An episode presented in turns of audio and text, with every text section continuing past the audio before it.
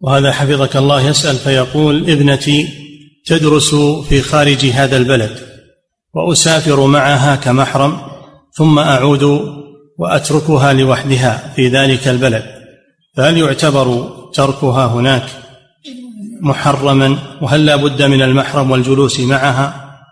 لا إذا كانت بين المسلمين وبين الجيران ومحل آمن فلا تحتاج إلى محرم. المحرم للسفر. المحرم للسفر ما هو للإقامة في البلد. نعم.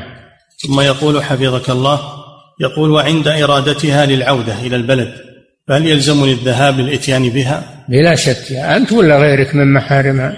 لازم نعم.